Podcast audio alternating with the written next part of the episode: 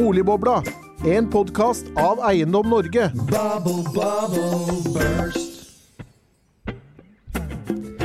Bubble, bubble, burst. Bubble, bubble, burst. Hjertelig velkommen til en ny episode av eh, Boligbobla. Denne gang om hvordan fikse boligkrisen. For boligbygging i Norge den går fra vondt til verre, og verre skal det bli. For øyeblikket så tikker vi inn mot et salg på under 15 000 solgte nye boliger i Norge. Og det er det laveste siden bankkrisen 1998-92 hvis vi korrigerer for befolkningsveksten. Og vi vil derfor få svært lav boligbygging de kommende årene. Den lave boligbyggingen den drar også nå ned BNP, og det i en tid hvor boligbehovet er svært stort, noe vi ser i de ville tilstandene i utleiemarkedet i de store byene i Norge. Vi spør hvordan fikse boligkrisen, og hvor mange hadde kjøpt bolig i Oslo hvis boligprisene var like lave som i Drammen? For å ta oss gjennom dette strålende temaet, så har vi fått med oss noen utmerkede gjester. Forskningssjef Erling Rød Larsen, Boligmarkedsforskningssenteret, Housing Lab, hjertelig velkommen til deg. Takk for det. Og så har vi fått med oss konsernsjef i Obos, Daniel Stray. Jeg må jo si hjertelig velkommen, for dette, du har jo vært her før, i 2019. Før TV, før eh, det nye opplegget. Så det er godt å ha deg tilbake. Eh, og så, som alltid, Henning Lauritzen, hjertelig velkommen til deg. Takk, takk. Vi i Eiendom Norge, vi har altså i går så kuppet vi de to viktigste kronikkplassene i Norge, i Aftenposten og i Dagens Næringsliv, med kronikker om boligmarkedskrisen. Henning, hva er det som er under oppseiling? Du begynte jo ganske godt med å si noe om salget av nye boliger, som er eh, på kraftig vei nedover. Og, eh, og som, som på mange måter da ser ut til å kunne fortsette på ganske plagsomt lavt nivå i en periode fremover. Og den befolkningsveksten vi har i øyeblikket, den er jo utrolig høy. Eh, Vi har flyktningstrømmen som kommer fra Ukraina. Og vi har, ja, vi har jo disse stedene som Oslo, hvor det i utgangspunktet er eh, en form for tilbudskrise. Og så kommer altså denne bremsen på toppen av det hele. Og da er det jo egentlig problemene dette skaper, og de eh, farevirkningene dette kan skape sånn i fremtiden. Altså Én ting er jo at eh, dette kan føre til at vi får sånne rekyler i boligmarkedet, sånn som vi hadde i Oslo i eh, 2016. Norges Bank satte ned renten med hala, eh, fra eh, 1,5% til 0,5% i løpet av et drøyt års tid. Mens det var eh, veldig svakt tilbudsside i Oslo. Da smeller det i prisene. Og den andre siden, som jo på mange måter også skjedde, var jo at man bidro til å skape et behov for eh, veldig streng utlånsregulering, fordi det drar jo opp gjeldsveksten kraftig når, eh, når man på en måte har eh, trykket ned tilbudet på forhånd. Og du var jo også så freidig at du snek deg inn på pressekonferansen til Norges Bank på Arendalsuka siste uke og stilte sentralbanksjefen spørsmål. Ja, jeg stilte Hva, hva sentralbanksjefen stilte den spørsmålet, og hva svarte hun? Ja, Spørsmålet jeg stilte til sentralbanksjefen, var egentlig om Norges Bank i sine vurderinger hadde sett at kombinasjonen av renteøkning og da veldig lav boligbygging, eh, den effekten renteøkning kan ha på boligbyggingen, vil kunne bidra til fremtidig finansiell ustabilitet. Og tankegangen var jo da Altså egentlig litt lenger fremover i tid? Litt lenger fremover i tid. Liksom, vi har hatt en periode med lav boligproduksjon. Til, eh, vi ser for oss at befolkningen kanskje vokser videre. Etterspørselen den blir sterkere på et eller annet tidspunkt. Og så kan vi da få en eller annen form for svingning som kan dra opp gjeldsvekst, dra opp mange andre ting. Altså en sånn liksom ny 2016 i realiteten, kanskje? på en måte. Det var egentlig det som da lå i spørsmålet. Og sentralbanksjefen var veldig klar og tydelig på at nei, det mente de ikke det var noe risiko for. Og så ble det litt avisskriverier og andre ting rundt det i etterkant, men det er et interessant spørsmål. Det er et interessant spørsmål, det får vi kanskje komme tilbake til. Ja. Men, men Obos øh, og, Daniel, altså ta oss liksom inn i tilstanden nå. Det, det er altså Forrige uke på Arendalsuka la jo da boligprodusentene frem tallene. Altså det, det, det er Det Hvor, trist, hvor ille er det, liksom? det, er triste, det er jo triste saker. Eh, Det dreier seg jo om eh, aller dypest eh, så, så dreier seg i første hånd om at det det er mennesker som, som nå ikke har en jobb å gå til. Altså, det, det er det så er liksom en ting, det er et, luks, det er, det er et luksusproblem for veldig mange som kjøper nybolig, at de ikke får kjøpe seg en enda dyrere finnerbolig. Det er et problem i seg selv når du ikke får dekket et boligbehov. Men for de som faktisk eh, nå har mista jobben sin, eller står i fare for å miste jobben sin, eh, så er jo dette grunnleggende et stort problem.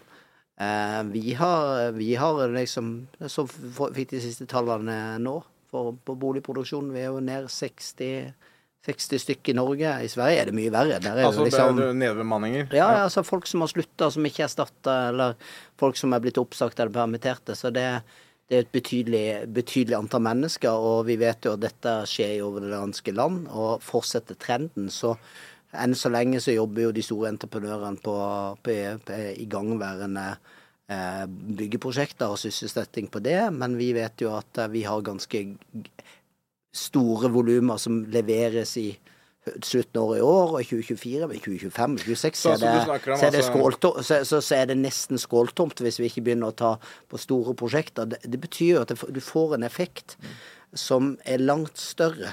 For det, effekten av å gjøre dette er jo eh, som du sa, Henning, og jeg trenger ikke å utdype det, du kan, du kan få sånne tilbudsetterspørselsskviser som, har- som, som gjør noe med prismekanismen i markedet. Det tror jeg ikke kommer til å skje i hele Norge.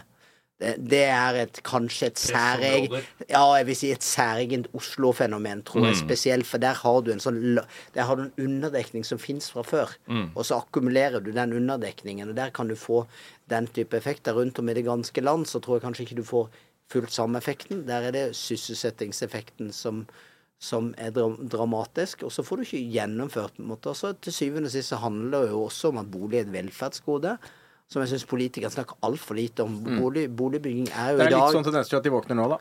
I valgkampen. ja, det er jeg ikke sikker på. eh, fordi, at, eh, fordi at det fortsatt eh, Nå fikk vi jo til å si på, på Arendalsuka at bolig er et eh, velferdsgode. Det er, vi har fått en ny kommuneplan i Oslo, og det er ingen preg av ordet De skriver ikke dette. er- bolig, bolig er Mm, velferdsgode. Bolig er en funksjon av, av befolkningsvekst. Ja, Og for meg er det to, er det to forskjellige ting. Men man tar vel ned muligheten til å bygge boliger i Jo, jo, det gjør man jo, men, men for meg begynner dette egentlig litt overordna hvordan man ser på bolig. Mm. Fordi hvis man ser på bolig bare som en matematisk funksjon av befolkningsvekst, så har du en veldig matematisk eh, tilnærming til at da skal du bare Bare vi gjør et eller annet som følger befolkningsveksten, og så regner vi en eller annen matematisk formel for det, så, så blir det rett. Mm. Men, men det er jo faktisk ikke det vi snakker om. Dette er jo det ene som jeg Mm. pleier å si gang på gang. Bolig er det eneste velferdsgodet i dette landet som er 100% privatisert. Det er ingen andre velferdsgoder i Norge, Mm. Det Norge som er som er 100 det privatisert. Men, men altså, det er en veldig bra overgang til det, Erling. Fordi at det, det du pleier å si, det er at altså det viktigste markedet, det er arbeidsmarkedet. Det nest viktigste markedet, det er boligmarkedet. Og disse to markedene henger, er altså uløselig knyttet sammen, fordi det ene caterer det andre. Ja, dette fikk vi jo demonstrert eh, Eller vi har jo i nyere norsk historie fått det illustrert eh, veldig tydelig. Altså, Norge er jo en råvareprodusent, og, og vi er avhengig av oljepriser og oljeeksport. Og i framtiden så skal vi trolig gjøre noe annet. Og i den overgangen så må vi jo rigge oss annerledes. Og, og da er det jo både sånn at vi kan ha et eh, veldig langt perspektiv, og i det lange perspektivet så må vi nok flytte rundt på både en halv million og 700 000 boliger, tipper jeg. Fordi kunnskapsøkonomien, der skal Altså, folk det, det, bo andre steder. boliger i, i distriktene grisgrensestrøk er ikke de riktige for Altså, fremtidens det er jo litt vondt å si det, for jeg vet jo at dette her med sentralisering har blitt et skjellsord. Men sentralisering i mitt hode er jo egentlig et vakkert ord, for det betyr jo bare at folk kommer sammen. Og sist jeg sjekka, og i hvert fall People get together. Ja. det er det å komme sammen en god ting. Eh, Så her samlokalisering er kanskje, smaker kanskje bedre. Men, men på kort sikt da, så er det jo sånn at eh, Boligmarkedet er jo hovedsakelig, som Daniel sier, det er jo en velferd. altså Folk liker jo boligen sin. Men for en samfunnsøkonom så må vi også ha det perspektivet at eh, boligmarkedet skal serve arbeidsmarkedet. Og en, en arbeidstaker har jo eh, to problemer, to utfordringer. Vi kaller det et dualt søkeproblem. Hvis vedkommende mister jobben eller, eller slutter, så må vedkommende én få solgt den boligen vedkommende har. Og to få kjøpt en ny bolig der Altså, vedkommende det er jo får likviditeten da i realiteten. Ja, så for eksempel Hvis vi går til liksom Norges nære historie, da, da oljeprisfallet kom og det, La oss si det var en, en arbeidsledig ingeniør i Stavanger. Godt kvalifisert. Trolig uh, flere jobbtilbuder i Oslo. Hvis vedkommende ikke fikk solgt Mm. sin Stavanger-bolig, kunne det allerede torpedert hele beslutningen om å bytte jobb. ikke Mm. sant? Men selv om vedkommende hadde fått solgt boligen, så er det jo ikke sikkert at vedkommende kunne bruke den kanskje da litt magre egenkapitalbiten han satt med i, eller hun, satt med fra Stavanger, til å kjøpe seg opp i Oslo. Så det er både det at den personen skal få solgt, sikkert og godt, til en ok pris, og få kjøpt, sikkert og godt, til en også håndterbar pris. Og ofte Altså, I mange steder i landet så går jo dette her smooth, fordi boligprisene er liksom overkommelige alle steder. Liksom Bergen, Trondheim, ganske sammenlignbart. Men når en by stikker ifra, så får du potensielt et kjemperekrutteringsproblem. Du kan, du kan Oslo ligger jo nå i snittprisene. hver sist måned, altså Ca. 4 millioner for en snittbolig i de øvrige byene i Norge. 6 millioner i Oslo. Helt riktig. Så du kan risikere at det nærmest er umulig å rekruttere folk eh, eh, med riktig kompetanse inn til Oslo. Dette har vi jo sett fra USA. Altså Jeg har selv bodd i området, San Francisco-området, og der er det jo beregnet at det er helt katastrofalt vanskelig å få rekruttert folk. Eh, min gamle studiekamerat Enrico Moretti har jo regnet ut at, at eh, San Francisco-området sammen med San Jose og New York har så strenge reguleringer. Basically så får de ikke bygd noe nytt. Basically er disse områdene blitt museer. Og de er så viktige for USAs økonomi at eh, der har han beregnet, sammen med en medforfatter, at hvis hvis de bare hadde slacka litt på reguleringene, ikke mye, men bare sånn at reguleringen er i tråd med det som er resten av USA, nå må du holde deg fast, for det tallet her er ganske crazy. Altså. Så hadde USAs BNP vært 3,7% høyere. Ja, og dette er jo helt sinnssykt. Ja, det, altså, det er Altså, sånn at du nesten må som sjekke her, å kommer kommafeil her. Altså, ikke sånn, For dette her er liksom hundretusener Det kunne vært kreftkurer, 0,34, men nei. Altså, det, er, det er helt vanvittige tall, og, og det, er, det er et regnestykke med selvfølgelig med litt sånn heroiske ting, for det er vanskelig å regne ut. Men det de basically har prøvd å gjøre, er å stille spørsmål hvis du er en veldig veldig talentfull programmerer, og du kunne tenke deg å jobbe for Google eller andre steder. Vil du så si ja til den jobben eller ikke? Hvis det er sånn at boligprisene er så skyhøye at selv de skyhøye lønningene i Google ikke kan tillate deg det, da, og du sier nei og heller tar en annen jobb, la oss si bare for enkelhets skyld si du blir lektor i Ohio, da, så taper jo USA på den manglende matchen mellom dine ferdigheter og Googles behov. ikke sant? Dette skjer jo, og, og i noen grad overalt, fordi det er vanskelig å få til eh, liksom fullstendig matching. Men det som er frykten i Norge, er at det kan bli så prekært i Oslo at, eh, at ikke bare er det sånn at høykompetanseyrker ikke vil finne, få til denne matchingen, men at det kan bli vanskelig å få folk altså, som det er helt ordinære yrker. Lærere, sykepleiere, politifolk. altså Det kan bli umulig å bo i Oslo fordi det er for dyrt å bo her. Men har vi, har vi noe som helst begreper om vi kan ha noen av de samme effektene som er målt i den amerikanske undersøkelsen i Norge? Altså, Jeg har jo veldig lyst til å prøve å få tallfestet dette for Norge. fordi det, det er det beste å snakke om tall, ikke sant? ikke bare synsing. Men uh, vi på Hasingen var jo grovt underbemannet. Grovt underbemannet. Og, Det og fordi grovt de ikke underarbeidet, vil ikke sant? jobbe i olja i Stavanger istedenfor, for er boliger med riktige priser og, og, og lønningene høye. Så, så, så vi kunne jo tenke tanken altså 3,7 i USA, og det var bare tre byer da. Men uh, nå har vi en, det er jo bare én by i Norge som har et ordentlig boligproblem, og det er Oslo. Ja. Så jeg, jeg, jeg ville, hvis du hadde satt en pistol mot tinningen min og sagt du må gi et svar, så hadde jeg sagt uh, 1 for å være konservativ. Norge taper eh, såpass mye BNP pga. Uh, manglende matching. Eh, og det, hører, det er ingen som detter av stolen av det tallet, men en økonom gjør det. En Så det er enorme, enorme, Men altså, hvis vi skal, skal snakke liksom til politikerne, og det er valgkamp nå, liksom Altså det er eh, under en måned til valget. Action. Det er action, det er, det er nå det er alvor. Og bolig er jo, er jo også blitt et, eh, et av de store temaene i valgkampen her i Oslo, blant annet. Det så vi jo på NRK på mandag. Men altså, det Sunniva Holmås, da, byråd for, for byutvikling, riktignok, men hun gikk jo langt i å hevde det at altså flere boliger ikke gir lavere boligpriser. Altså, eh, her i Nettavisen før, før, før Arendalsuken. Altså, Men, men syns- det, det er jo virkelig men- helt utrolig. jo, Går det an å hevde noe sånt? Jo, men jeg, men jeg syns dette er igjen en av de mange avsporingene i debatten. Eh, og så tenker jeg vi som bransje også av og til må gå litt i oss selv på. For vi krangler om disse tallene. Og vi kan godt si at tall er objektive, men det blir det ikke. Vi diskuterer hvor stor er den faktiske reguleringsreserven i Oslo. Og det spiller for meg ingen rolle om det tallet er 5000 eller 10 000 ferdigregulerte boliger som kan bygges i morgen. Det viktige er jo at politikerne må gjøre jobben sin. Nettopp. De må regulere så mange boliger de bare kan. For de ser at det kommer en boligetterspørsel som er langt større enn det tallet de har liggende, og det som, det som ligger i planene. De må sørge for å få igjennom de planene som er realistiske. Og så må de sette seg litt tydelige mål, og det finnes jo ikke i dag. Det finnes jo ikke et måltall for, for boligbygging. Nå satt jo Raymond Eh, Johansen et måltall back in i det for åtte år siden. Ja, men la oss nå snakke om noe mer, eh, Ja. noe mer håndfast. Eh, Jeg hørte Anne Lindboe nevnte tallet 3000. Jeg syns man burde strekke seg til et eh, Jeg tror det er Hilde Vatne i JM som sa det. La oss eh, sette måltall til 4000.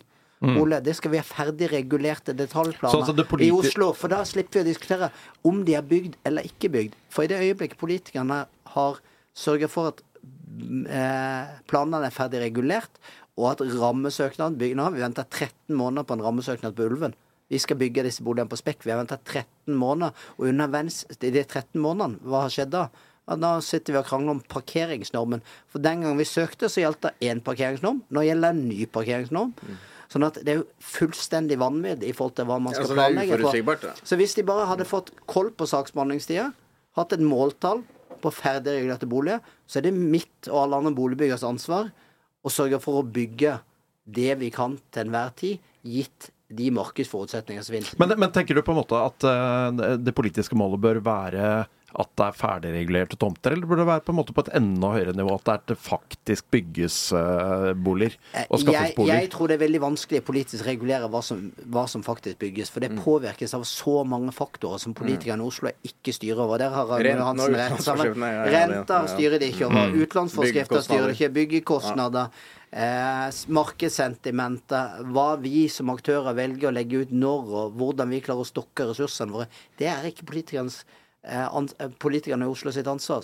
Men gjør nå den jobben som er politikernes ansvar, og så kan dere heller skyte på oss, som er i bransjen. bransjen. for det er jo det MDG altså, Jeg så jo Arild Hemstad på, på mandag på altså Han sier jo i realiteten at utbyggerne ikke bygger, og at de holder Ja, men- igjen. Altså, det er jo helt Det er jo ingen som sitter og holder igjen hvis de kan. Altså, Det er er, et forslag. Og, og, og igjen på en måte som samfunnsøkonom, da. fordi en av de tingene som er eh, et fellesgode for Norge, det vil jo være en eller annen form for forutsigbarhet og stabilitet både i boligtilførselen og hvor boligene ligger. Og det har jo, jeg må jo si, vært en kjernesak for Eiendom Norge i deres program. riktig. Og for fellesgoder så vet vi, da må ofte det offentlige på banen. Altså klassiske fellesgoder, fyrtårn, eh, forsvar, alle disse tingene. Så kommer jo fellesskapet på banen for, øh, for, for å framskaffe dette godet. Og en ting som i boligmarkedet er jo denne stabiliteten. Og en ting som jeg har, grublet mye over, og så skulle ønske et slags hjertesukk som jeg er garantert Daniel vil like, da.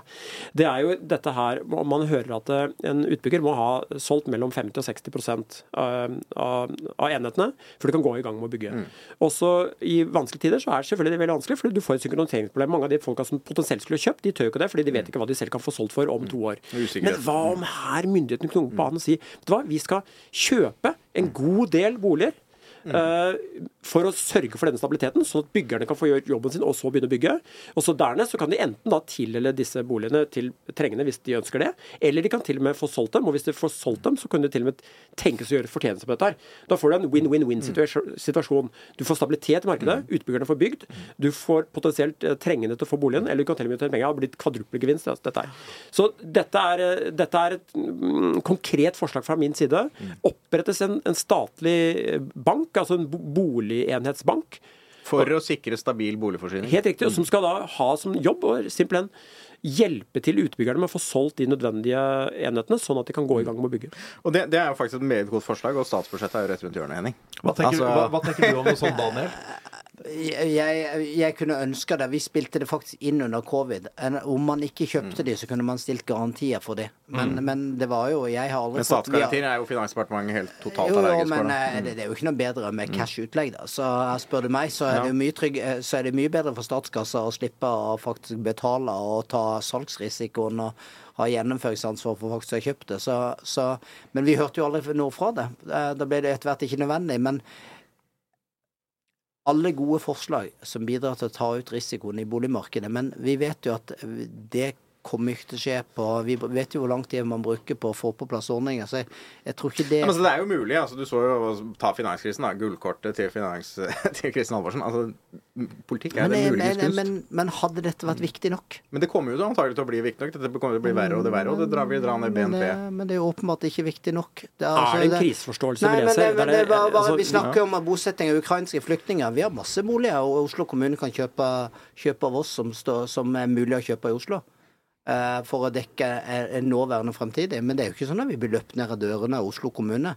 Som skal bosette kommunale eh, bosette flyktninger altså, på å kjøpe bolig. Og vi nekter jo ikke kommunen å kjøpe boliger. Vi er ikke redd for å selge boliger til kommunen. Det at vi har en ulike typer mennesker i våre borettslag, og noen leier kommunen, og noen, noen skal bosettes kort og mellomlagt, det, har, det lever borettslagene i Oslo med veldig godt, og de fleste klarer å håndtere det på en veldig god måte. Men, men det, det er jo fordi boligforsyning ikke er et prioritert område å bruke offentlige midler på. Man har br- bruker det på infrastruktur, det er rett. Og der har Oslo faktisk vært gode. Skal skryte litt. Oslo kommune har investert mye i infrastruktur. Kollektivtransporten og Fornebubanen og sist.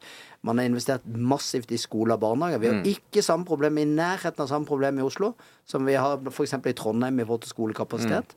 Men, men Og derfor har ikke jeg egentlig en forventning om at Oslo kommune skal bruke masse penger på å subsidiere boligbygging i dag. Fortsette byggetakter, men de er nødt til å gjøre, gjøre noe med det de kan. Som Men er det gratis Erling og foreslår, regulert. er er jo ikke et kommunalt uh, forslag. Nei, jeg det er jo egentlig nasjonalt. statlig Ja, ordning, altså, er jo det du ja, snakker og jeg refererer tilbake igjen til på en måte store dilemmaer. Ikke sant? Vi, har, vi har trolig et veldig eh, vanskelig håndterbart problem, nemlig det at eh, lokale behov kan stå i motsats til nasjonale behov. Ja. Og Der er det en amerikansk professor, Fischel, William Fischel, som har eh, laget en hypotese som han kaller det home water hypothesis. Den er veldig trist, for den går ut på at eh, folk, når det kommer til Hælinga, som vi sier der jeg kommer fra, i Vestfold, uh, altså når det kommer til stykket, så stemmer folk på det som sikrer lommebøkene deres. sant? Og hvis, hvis de har valg mellom å bygge lite, eh, hvor boligverdiene blir store, eller bygger mye, hvor boligverdiene blir mindre, så vel, kanskje de foretrekker det første. Mm. Ikke sant? Dette ser man i by etter by i USA, da, hvor veldig mye forskning gjøres, og garantert også i Oslo. Så da er jo tanken Alle vil være den siste i byen. ikke sant? Det er helt riktig å trekke, trekke stigen opp etter seg. Så det som jeg tenker, er at eh, man kanskje må endre tankesett og så tenke sånn som at er det ikke en nasjons interesse, er det ikke en nasjons behov å sørge for at det er nok boliger i hovedstaden? Kunne man ikke tenke en sånn argumentasjon? Det det Nemlig at det er nasjonale tiltak. Mm. Ja, ut- ifra men på en måte vet- hensyn at hele samfunnet i skades. Men i en ideell verden. Men vi vet jo at, at det å styrke hovedstaden i dette landet er ikke noe som går hjem igjen på det, på, det, på, på det store bygget som ligger ikke så mange, mange kvartaler unna her, så er ikke det god latin. Og heller ikke dagens regjeringskvartal. Mm. Så er ikke det god latin. Så i en ideell verden så var det slik, men det er jo dessverre ikke slik. Og nesten ikke noe land i verden så er det slik at hovedstaden skal få noe mer enn de andre. Unntaket av Paris, da. Det er sånn. Og så- Og så tror jeg vi, elefanten i rommet er jo som er krevende for alle vi som er involvert i dette. Dette er jo ønskepolitikk. Det er derfor vi har satt opp renta. Mm. Eh, Konjunktursituasjonen, ja. ja. Altså, Ja, ja. Renta slår jo ikke på, kun, på liksom at vi kjøper mat og klær, og det vil man jo Ja, helst det vil, ikke. de vil jo de aller helst jo få ned den inflasjonen på mat, men ja. Mm. Jo, men mat og klær og restaurantbesøk, det skal vi helst ikke drepe. Det, det, det vet man når man bruker Mm. renteverktøy. Det første, første og den største effekten Mm. har det jo på kapitalintensive næringer som vår, og Mm. på folks boligbehov. Det er jo ønskeeffekt. Få ned inflasjonspresset. Hvor det må jo monne først, og da må du ta det. Så det er jo et ønska politikk. Så å tro at man nå skal drive aktiv motkonjunkturpolitikk når man faktisk får få ned Ja, det jeg, jeg tror ikke det er realistisk. og Det er derfor jeg ikke helt tar bølgen, selv om jeg skulle ønske meg det. Eh, Det kunne man ha brukt og det verste er at jeg er jo enig med Daniel. Så når jeg sier ting, så sier jeg bare fordi jeg, jeg er jo evig optimist personlighetsmessig, så tenker jeg at man, man må jo prøve også å peke på de løsningene som er. Men hvis dere spør meg hva tror jeg Men altså, Jeg tror ikke dette kommer til å skje. Jeg tror det kommer til å Men, men jeg, jeg, jeg tror et tilleggsproblem er altså Hvis man skal snakke om kriseforståelse, så vises jo ikke effektene på i, Ja, altså, for, for individene Ennå. vises jo ikke ennå, bortsett fra de som mister jobben. da. Og leiemarkedet, da. Eh, jo, jo så, så vises jo effektene stort sett ikke i boligmarkedet foreløpig. De ser vi om to eller tre år eller der omkring, og det gjør at det er ikke noe stort politisk press for å få gjort Men- noe på dette. Ja, og de, som, ikke- de, store, de store vinnerne i en, en politikk vil jo være kanskje Hansen i Tønsberg ikke sant? og Larsen i Tromsø. De er ikke engang stemmegivere i Oslo. Men det vi kunne gjort sammen, for å gjøre det litt lettere, som vi spilte inn det, eh, Vi hadde noen ti punkter. En av de tingene som kommunene kan gjøre, det korte bildet, det er jo å se på hvor man både bruker sine egne tomteressurser, og man kan, kan jo se på hvor heavy skal man være på på utbyggingsavtaler og det slike akkurat nå i den tida som er nå. For, for det booster ikke nødvendigvis etterspørselen. Altså, Myndighetene må på en måte ta hånd om altså Vi skjønner også, vi som driver bygginga, vi må ta ansvar for det. Men de kan jo gjøre sitt til at det blir billigere. Ikke lesse på med masse nye krav. Veldig fordyrende infrastrukturkrav. Kanskje er det faktisk slik at den regningen må kommunen nå ta for å bidra til at boligbyggingen kommer i gang. Og så kan det være insentivordninger for de som nå setter i gang, i en periode. Eh, for da er det tross alt snakk om relativt begrensa beløp. Eh, hovedansvar for å få dette i gang ligger fortsatt på oss som bygger. Vi er nødt til å kna på plass kalkylene om å ta salgsrisikoen. Og så er det slik at det, kommer faktisk markedet kommer nok til å være dessverre være depressivt også ut 2024 på nybolig. Renta kommer til å holde høyt. Vi klarer ikke å trylle fram en, en positiv etterspørsel uansett hvor mye vi vil, verken myndigheter eller, eller, eh, eller boligbyggere. Vi er nødt til å jobbe med Ja, og, produktene våre. og Ned i bare for å forlenge det Daniel sier, fordi eh, en av, de, en av de tingene jeg tok med meg fra Arendalsuka etter endeløse samtaler, eh, veldig fruktbare, da, men, men det er jo en kaskade av info. Men en av de hovedtingene jeg satt igjen med, var at veldig mange utbyggere, det de egentlig ønsker seg, mer enn noe annet, det er bare forutsigbarhet. De ønsker å vite hva de går inn i en situasjon med, sånn at de kan regne på det. altså De kan bruke dette her i en Excel-arka. Og hvis det ikke er forutsigbarhet, altså hvis den er på en måte litt sånn fluid, så er det klart at en utbygger tenker om jeg skal skulle gjerne ha en etasje til, jeg skulle gjøre sånn og sånn, for å kompensere for den lange tiden det har tatt. Hvis man hadde bare klart å gjøre, gjøre det sånn at det er veldig forutsigbart, uh, alle vet hva, på forhånd hva som blir utfallet, og det ville jo dratt ned tiden veldig. Og da ville det jo trolig et sånt lite grep som dette, så dette handler jo egentlig om etatsstyring, da, og anvendelse av et veldig gjennomsiktig regelverk, kunne gjort veldig mye. Jo, men dette forutsigbarhetsargumentet, det bruker vi også litt som det passer oss. Hvis vi er helt ærlige. Eh, fordi at eh, forutsigbarhet på vårt nivå Det er veldig lett kommunen sier vi er forutsigbare, men vi er forutsigbare her. Den nye kommuneplanen i Oslo er også forutsigbar er jo- forutsigbar eh, til, til en viss grad. Men den er uforutsigbar i forhold til den forrige. Ja, altså, den er uforutsigbar på mange elementer, for det er så mye skjønn i den, så det kan vi bruke hele dagen på å diskutere. Men, men poenget er jo bare at, uh, som vi må snakke om, og det er jo at i Oslo skal vi faktisk konvertere. Det er fortsatt, det er ikke noe greenfield development igjen. Det skal faktisk lønne seg. Når vi sitter på et næringsbygg som vi har kjøpt på Økern for fem år siden, som er cashflow-eiendom i dag, hvis det skal lønne seg, og der er det full drift, og det er noen som trives veldig godt i de lokalene. Det er klart at hvis vi bare får bygge seks etasjer der, så kommer det aldri i verden. Vi ser det på Da- da blir ikke den konverteringen Nei, vi har en. Rema 1000-butikk på ja. noen butikker på Lambertseter nå. Med den områdeplanen som der, så kommer Obos til å drive butikk der i all evighet. Fordi at det, det, det, er, det kommer til å være negativt regnestykke, kalkyler, hvis det skal Det bli det. Bli det. poeng. Og, og da, da, da betyr det at forutsigbarhet er jo ikke alt. Du må jo faktisk knekke disse økonomiske knekkpunktene i forhold til utnyttelse, som gjør at det lønner seg å bygge boliger der istedenfor næring. Og så må næringen plassere seg Andre et sted ja. der det er samfunnsøkonomisk nytt, mest nyttig at de faktisk ligger. Eh, og, den, og den er vi i ferd med Den mekanismen tror jeg ikke Den er ikke, den er ikke så lett å skjønne. Eh, for den er intrikat, men den må adresseres når vi snakker om forutsigbarhet. Og det er jo byutvikling. Det er jo det veldig mange er opptatt av. Altså hvordan byene bla Vi har jo sett arkitekturopprøret, liksom. Altså Arkitekturopprøret føler jeg ofte ikke skjønner nettopp det at det skal være økonomi i dette her. Altså du skal ha et grunnlag for den fantastiske byen med eh, butikkene osv., og, så videre, og det krever hva skal du si et- hvis du Arkitekturopprørets ut- problemet er jo på en måte at det blir eh, er, i første rekke at, at, at de blir så aggressive, og at alt er stygt og dårlig. Alt som er moderne, er stygt og dårlig. Det er jo ingen nyanse, men det tar det heller ingen ambisjon om å gjøre. Ellers så syns jeg i og for seg at de reiser viktige Ja, er diskusjoner. definitivt og, jeg tenker, og jeg tenker at vi må alltid diskutere. Og det, det er jo akkurat som vi må akseptere at det blir dyrere. Skal vi møte de nye ambisiøse klimakravene i, i Norge, så kommer ikke det bli billigere boliger, det. Men eh, kommer definitivt ikke bli noe billigere å, bo i Oslo av den grunn. Men da må vi kanskje bo litt mindre, da. Da må vi kanskje finne oss i at, eh, at en familiebolig er god når han er 85, og ikke 105. Men det, men det er en veldig Enkel god, løsning, enkel god, løsning. god overgang. Nei, men eh, det er jo en av de Ja. dilemmaene vi står inne i. Ja.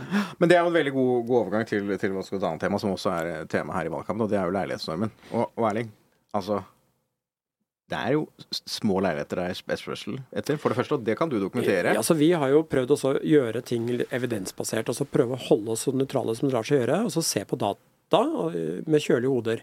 Og det vi har gjort, da, som er, eh, hvis det er lov å skryte litt Det må du ha lov til. Jeg er Du leder jo det nasjonale Ja, jeg er ikke helt naturlig sjenert, så jeg skal tilstå, så jeg kan knipe meg selv noen ganger og skryte for mye. Men, men vi har klart å få tak i et eh, bud, buddatasett som er helt unikt, og amerikanske forskere som nå ringer oss og e-poster oss for å være med på dette datasettet. Og det vi har gjort, da, som er litt gøyalt, er at vi har klart å se på budrunder. Og så har vi, har vi en, eh, en, en individuell ident, som selvfølgelig er anonym. Vi vet ikke hvem dette her er, men vi har et, et tall da, som kan på en måte identifisere en person. Så vet vi at den personen har gitt, avgitt en haug med bud, selvfølgelig, både her og der. Og så sier vi ok, hva er det høyeste budet den personen har avgitt i det året? Det høyeste. Så er én person telles bare én gang. Sant? Og så gjør vi dette for veldig mange personer. Og så rangerer vi dem. Så vet vi har det høyeste og det laveste. Så ser vi på hvordan ser den kurven ut. Fordi den kurven kan dere selv tenke dere, hvis den er veldig bratt, så betyr det at det er noen som har veldig lyst til å betale veldig mye i Oslo, men så f- avtale. avtar det. Hvis den er veldig flat så bet og, og potensielt på et høyt nivå, så betyr det at det er lang kø for å bo i Oslo. Fordi salget er mye da mye mindre enn det antall personer her. For her er det jo mange folk som også har tapt masse budrunder. ikke sant? Mange her som er i dette datasettet, som ikke har fått tak i bolig. Og så har vi gjort dette. Og hvis du hadde spurt dem, så hadde de kanskje ikke innrømmet at de hadde tatt. Det, det kan godt være. og her er Vi var veldig fornøyd at vi endte i Nittedal, men nei, vi vil egentlig gå på grunn det er jo veldig gunstig å ha tak i sånn dette datasettet, fordi det betyr at vi kan få et anslag på det som vi på fagspråket kan kalle latent etterspørsel. Latent etterspørsel så mener vi de ønskene om å bo i Oslo, både av de som er realisert og de som er urealisert. Altså de som byr fra Tromsø, som byr fra Grimstad, som bor fra Larvik. De har, de har budt, men de har ikke fått tilslaget. Men de er da notert i dette datasettet. Og det vi ser, er at det, er, en, det er et veldig stort etterspørsel å bo i Oslo. Det er et par ting jeg skal si. Eller jeg kunne ha sagt en million ting, men jeg skal nøye meg med å si to ting. Mm. Det ene er at eh, vi stiller da spørsmålet ok, hvor mange mennesker i dette datasettet hadde ønsket å kjøpe bolig i Oslo hvis prisene hadde vært som i Drammen? Jeg- Altså, hvorfor tok jeg Drammen? Jo, bare fordi det er liksom nært strøk, det er et fint sted å bo. Ikke sant? Det er ikke helt urimelig at dette her ligner litt på Oslo. Og da viste det seg at omsetningen, da, bare for å ta det, det Dette sier jo ikke nødvendigvis noe om hvor mange som til slutt hadde havna i Oslo, men omsetningen det året hadde vært 125% større. 125 Det er større! Ikke sant? Det er et himmelropende stort tall. Og hva avslører det? Det avslører at det er veldig mange mennesker som kunne tenke seg Oslo- men som har fått avslag av samfunnet. Det er det ene. Det andre er hvilke typer boliger ser vi mønstrene på? Jo, vi ser at for på enebolig f.eks. så er den, denne da såkalte latente etterspørselen er ganske bratt og fallende. Det betyr at det er mange som byr, men er, interessen avtar litt da, ikke sant. Men Men for- der har man sannsynligvis mange alternativer også Helt i hele hele Men for små leiligheter så er den kurven nesten flat. Altså det er veldig Og hva, hva er små leiligheter i denne sammenhengen? Altså da, ja, nå, da, nå eksperimenterte jeg med veldig mange ulike grupper. Jeg lurer på om jeg satte grensa på eh, Hva kan jeg ha satt grensa på? 50 kvadratmeter? Mm. husker, det, det, Dette burde jeg selvfølgelig ha kontroll på. Et eller annet sted i det området, etter, et, eller annet, et, eller sted satte jeg grense. Kanskje det var på median størrelse. eller noe sånt, Mm. I så fall så ligger det på rundt noen av 60 kvadratmeter, kanskje. Men i hvert fall, øh, i hvert fall så var funnet veldig tydelig. Og det var at det var veldig, veldig flat kurve etter at de som på en måte hadde fått lov til å kjøpe bolig, eller det antallet mennesker var uttømt, så var det ikke sånn at, øh, at behovet var uttømt. Det var, En stor masse etter det også. og, og da forteller det jo en forsker at det her er det et stort latent behov for å få tak i små leiligheter i Oslo. Uh, og, og da er vi over på den eh, berømte leilighetsnormen på 35 kvadratmeter.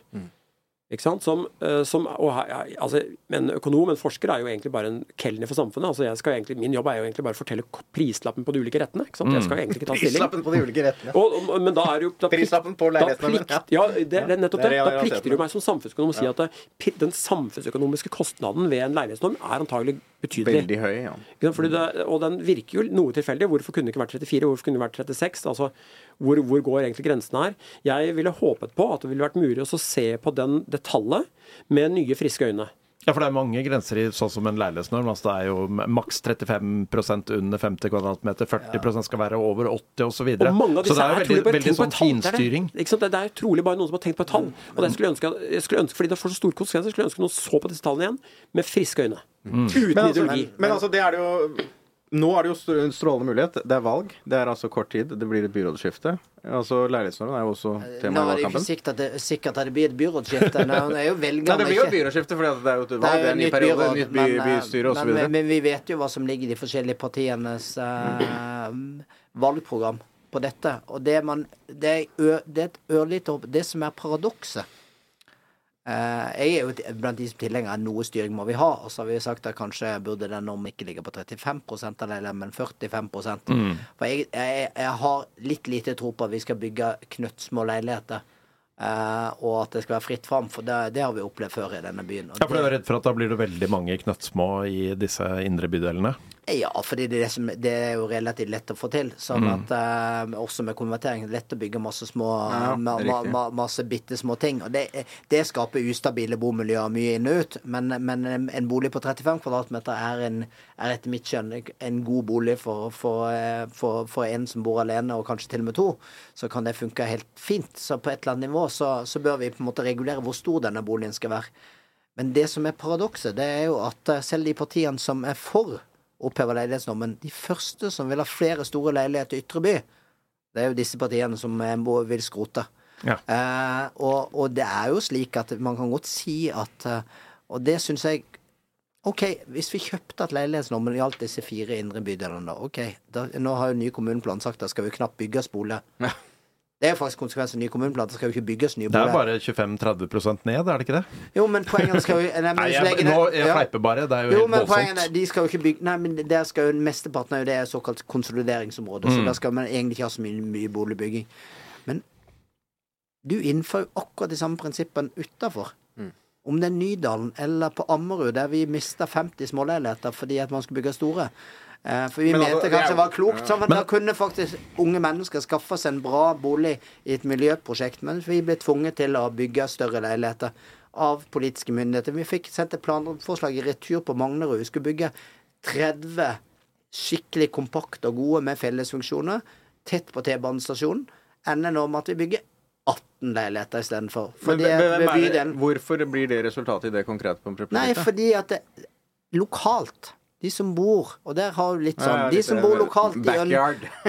Ja, men de ønsker seg store boliger. Det er naturlig å skjønne. Mm. Og det er mange gode hensyn som tilsier det. Og så har politikerne en drøm at flere barnefamilier skal bo i Oslo. Så det er liksom det som driver denne. Så nå skal vi ha vaskerom. I ny kommuneplan skal vi nå ha vaskerom i gode familieboliger. Men dette er jo Altså, helt absurd. Altså, Men, men, men det vi gjør, eller det man gjør i Oslo, er vel på mange måter egentlig å skifte ut befolkningen over tid. eh, ved at man Men får derfor, men det er jo derfor du har fått hyblifiseringen. Det, det, det, det er jo det Ja, som er det er det som er konsekvensen. konsekvensen fordi, det. Mm. fordi at det, det tvinger fram en hyblifisering. Jeg var, jeg, jeg var på et debattmøte i går med mange Oslo-politikere osv. panelet på Tøyen om, om bolig og boligbygging og sånn. Og det er jo sånn du, du kan jo på en måte merke den ganske store frustrasjonen som det er blant de som da sliter med å komme inn på dette boligmarkedet, og de som opplever at de står utenfor. Og de som virkelig sliter, de er antagelig ikke der engang, for de bor i Tønsberg, Drammen, Nittedal. ja, jo, men de som sliter innenfor Oslo-markedet, Ja, det er det. du, merker jo på en måte frustrasjonen når du hører Og- og- publikum og- osv. Sorry for at jeg bare griper ordet, men er, jeg har jo nettopp liksom, eh, hatt en reklamesnutt for Samfunnsøkonomen som en kelner. Jeg skal bare nøye seg med å si prislappen. Og, og det, det er jo det som er ønskedrømmen. Men det, man, det som man savner da, som samfunnsøkonom, det er tankegangen om kryssende hensyn. Ikke sant? At, det, at det, holder ikke bare med en god vilje eller godt ønske. Det må alltid holdes opp mot hva det egentlig fortrenger andre ting. ikke sant?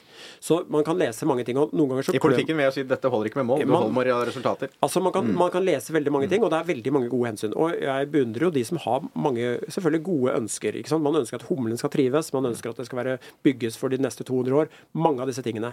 Men jeg skulle ønske samtidig Og bare for å la det være anført i redaksjonen, Altså, jeg er gammel miljøverner. Jeg er veldig tilhenger av humlen. For jeg vil at humlen skal ha det bra. Men, men sist jeg sjekka, så er det 375 000 kvadratkilometer i Oslo. Unnskyld, i Norge. Og det er, det er tomleplass for humlen, for å bruke spillet ja, nei, vi klipper jo ikke gress i mesteparten av hagen vår lenger. Ikke? Så, uh, men, så det, med, det etterlyser, da, eller en tankegang, er at også denne ideen om kryssende hensyn skal komme inn. Så det er vel og bra med farger, det er vel og bra med estetikk, det er vel og bra med utsikt, det er vel og bra med, med en rekke ting. Men det er da også vel og bra å få plassert mennesker som vil bo i byen, i byen. Det må i hvert fall være en del av tankegangen at hvis vi velger dette her og dette her for, som standarder, så fortrenger vi noen som ikke får lov til å bo her.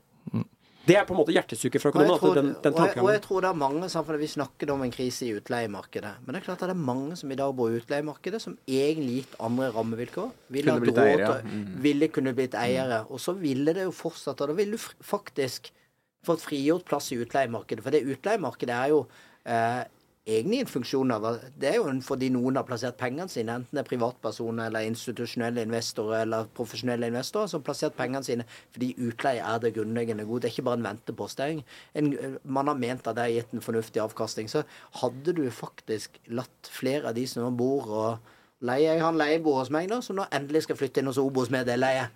Og da er jo det en bolig som prinsippet det er ferdig Blir Bli fri for andre ja, bortsett fra at nå er avkastningen så dårlig at nå sitter Unge Sirai og vurderer om han heller bør selge en småleilighet i Oslo sentrum, en av de få som fins.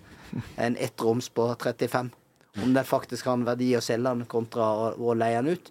Men, men, men poenget er bare at det å se disse sammenhengene, at det trykker jo sammen. Hvor er etterspørselen etter leie størst? Mm. Det er jo ikke leie av de kjempestore boligene trykket størst. Det er jo på de minste enhetene, de som bor midlertidig. Og nå får du en sånn spiral der du har jaget for to sider med, med de som fra to de, sider, er godt ja, du, har liksom de som skal kjøpe, og nå begynner liksom fristelsen for oss som faktisk eier en utleieleilighet, til å selge den til eie. Den begynner å bli så stor fordi at avkastningen er mye bedre, og det, det er ikke noe sunn fornuft igjen i, i eie. Da, da glem skattediskusjoner. Dette handler om ren avkastning. Og den andre er på en måte de som faktisk trenger den boligen. Mm. Eh, på et eller annet nivå. Så, så jeg tror politikerne er nødt til å se på at de er nødt til å løse opp, løse opp i det og ta ut av litt av det trykket på, på det, og det kan de ikke bare ignorere. Da må de ta grep. Og det, de eneste som styrer, det er faktisk de. Men Erling, Erling, på Arendalsuka så sa du at uh, Oslos, uh, Oslo begynner å nærme seg nasjonal selvskading eller noe sånt, tror jeg. Og det, det ble du sitert på i Ja, det er harde ord, og jeg kan stå for det. Ja. Det er jo sånn at uh, jeg har anlegg for å bekymre meg. Det er jo på en måte en Men du sa også du var en optimist også. Ja, jeg er jo født Bekymret optimist, optimist. men, men yrkesskadet i retning av alltid å, å gruble og tenke.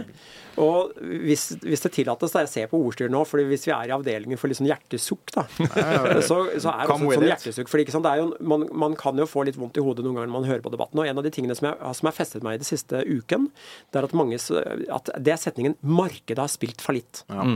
Og, da, og da tenker jeg uff, da, dette, er ikke ferdig, ja, dette er ikke ferdig gjennomtenkt. Fordi Mm. boligmarkedet er da vitterlig ikke som kaffekoppproduksjonen.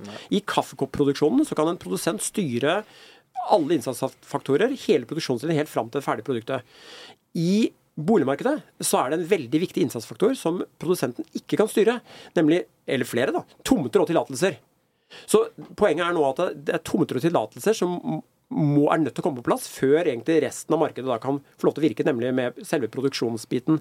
Og, og det er forståelsen av den biten som jeg skulle virkelig ønske var på plass. Nemlig altså altså forståelsen, sånn at du skjønner at det, det er faktisk ikke sånn at markedet alene produserer disse boligene. Det er også sånn at det offentlige på, vik, struper viktige deler av produksjonen. Men også dette her med, med da en, en kunnskap kombinert med et følelse at dette her haster. Mm. At dette her er nå prekært. Og jeg må si at uh, hvis dere spør meg hva jeg ser uh, på de politiske debattene, så er det posering.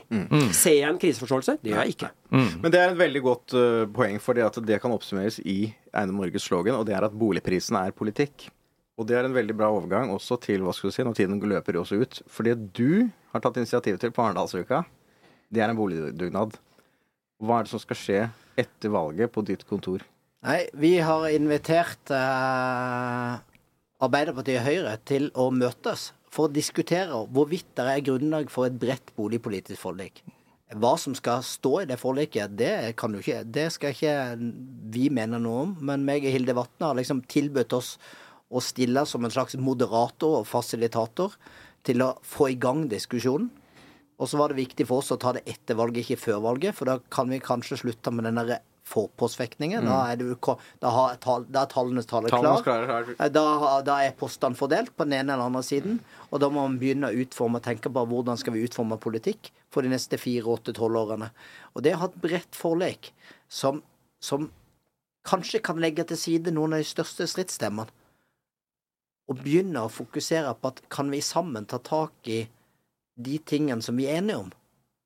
Eh, det tror jeg er et godt fundament. Men dette er det som sagt. Vi, vi har bare prøvd å være fasilitator til for partene til å sette seg ned rundt et felles bord. Det har de heldigvis takka ja til. Og når, når er møtet? Hvilken dato? Nei, det er, man, det er mandagen etter valget. Så det er den den 18. september? 18. september. Det noterer jeg meg her. Eh, og jeg tror ikke vi får noen resultater, men eh, Da er de i gang. Da er de i gang. Og jeg, eh, som jeg sa til en som syns at dette skal jo ikke boligbyggerne blande seg Nei, jeg forlater gjerne rommet. Ja, Så fort, at de blir enige. bare så- ba- Nei, så fort de ikke eh, eh, Så fort de de ikke ønsker oss dit, så skal vi forlate rommet. For dette er jo til syvende og sist er det politikken som må legge, ta ansvar for disse for resultater og eventuelle forlik. Eh, og det er det jeg håper velgerne nå legger til grunn i valget. At de ser på partier som, eh, som faktisk vektlegger bolig. At bolig blir så viktig for den som går og legger stemmesedlene sine i urne at det faktisk på en måte betyr noe etter valget, når, når de brede politiske forlikene skal meisles ut. Ja, for boligkrisen i Oslo, den er selvvalgt. Det er veldig bra. Og jeg får håpe altså da at den boligdugnaden som du har tatt initiativ til, den går parallelt med byrådsforhandlingene. sånn at vi når vi kommer til oktober og nytt byråd skal konstitueres, så vil vi også ha denne boligdugnaden, boligforliket, Det, vi, i bordet. vi kan alle ha ha solide ambisjoner, eh, og det viktigste er egentlig ikke tiden det tar. Eh, om det tar én måned eller to måneder eller fire måneder, det er faktisk sluttresultatet, for dette skal jo prege Oslo i årevis framover. Bruk heller god tid og bli enige om noe som varer over tid. Nei, det er veldig bra. Jeg tror det må bli siste, fordi 45 minutter har gått allerede. Men vi, må ha, vi har vår faste spalte, og det er jo din første bolig. Hva kjøpte du, hva, hva kjente du, hva følte du? Dere har jo begge vært der før. Så Erling, du kan jo begynne med din siste bolig. Oi, oi, oi. Ja, den Oi, siste oi, boligen oi, som jeg bor i nå, det er jo Og den er ikke langt fra meg selv, der hvor Nei, jeg den, bor. jeg bor altså på Skjemdal, rett ved skolen der, og jeg eh, fikk vel den for en rundt eh, husker jeg vel ganske nøyaktig, faktisk. 6,1 millioner. Oi, det var rimelig. Jeg vet det. Og dette var da i januar 2010.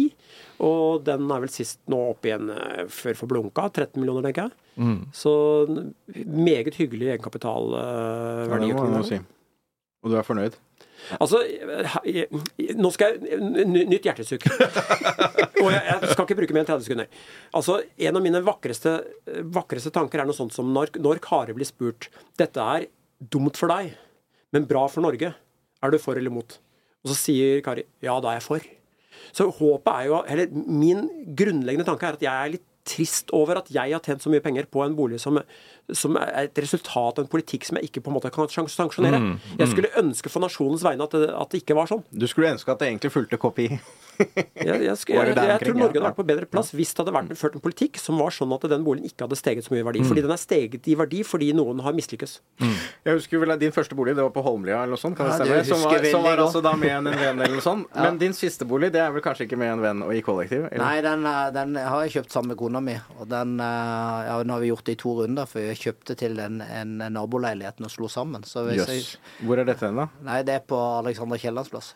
Eh, så vi, den har vi som utleiedel nå. Eh, Vi hadde i påvente av at ungene skulle flytte, men det ville de ikke. Så da har jeg du har hjemmeboende voksne barn i en som ikke får leid bolig? Nei, det nå har de- nå de- nå har flytta ut og studerer istedenfor. Men eh, den eh, har nå den har vel kosta 6,8 totalt sett. eller Kanskje jeg får eh, Hvis jeg er heldig, så får jeg et eller annet stående mellom 12 og 13 i dagens marked. Ja, riktig.